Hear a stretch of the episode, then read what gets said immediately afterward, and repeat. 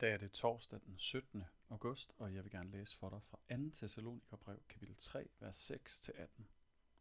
Vi påbyder jer, brødre, i vor Herre Jesu Kristi navn, at holde jer fra enhver bror, der lever et uordentligt liv, og ikke holder sig til den overlevering, de modtog af os. I ved jo selv, hvordan I bør efterligne os. Vi levede ikke uordentligt blandt jer, og vi fik ikke kosten gratis af nogen, men fik den ved at arbejde under slidermøje nat og dag, for ikke at lægge nogen af jer til byrde.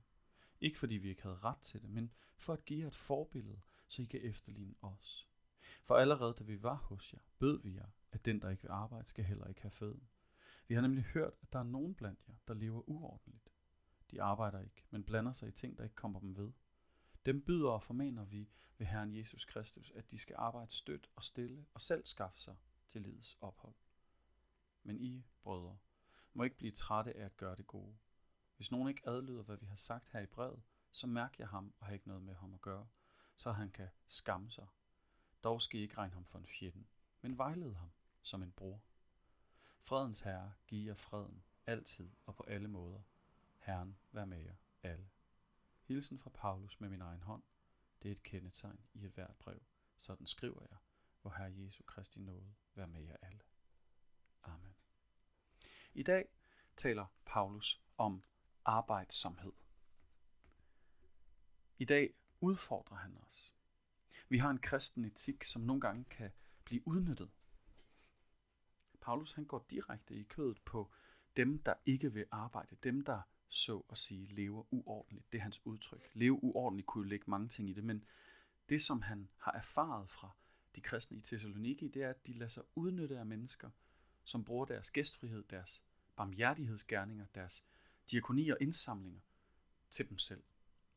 De arbejder ikke, men lader sig tjene af de andre uden selv at tjene. Og det er den der ulige vægt, som Paulus adresserer. Han siger, det dur ikke, venner, at nogen skal tjene hinanden, og nogen bare skal modtage.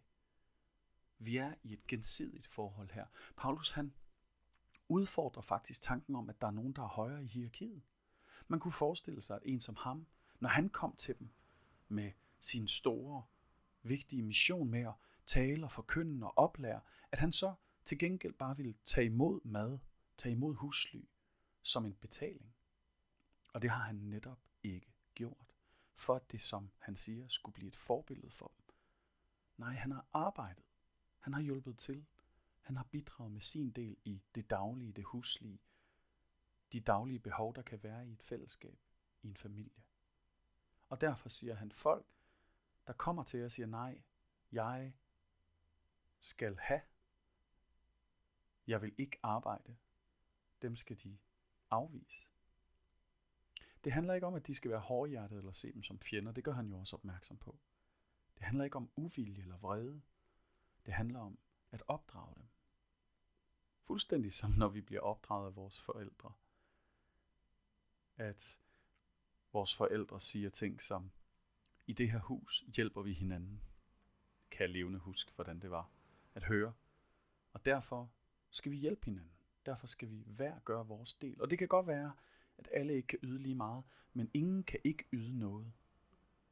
Der er altid en tjeneste, man har mulighed for at gøre for de andre. Og på den måde skabe et gensidigt forhold, et søskende forhold, hvor ingen blot skal lade sig betjene, men alle skal tjene hinanden.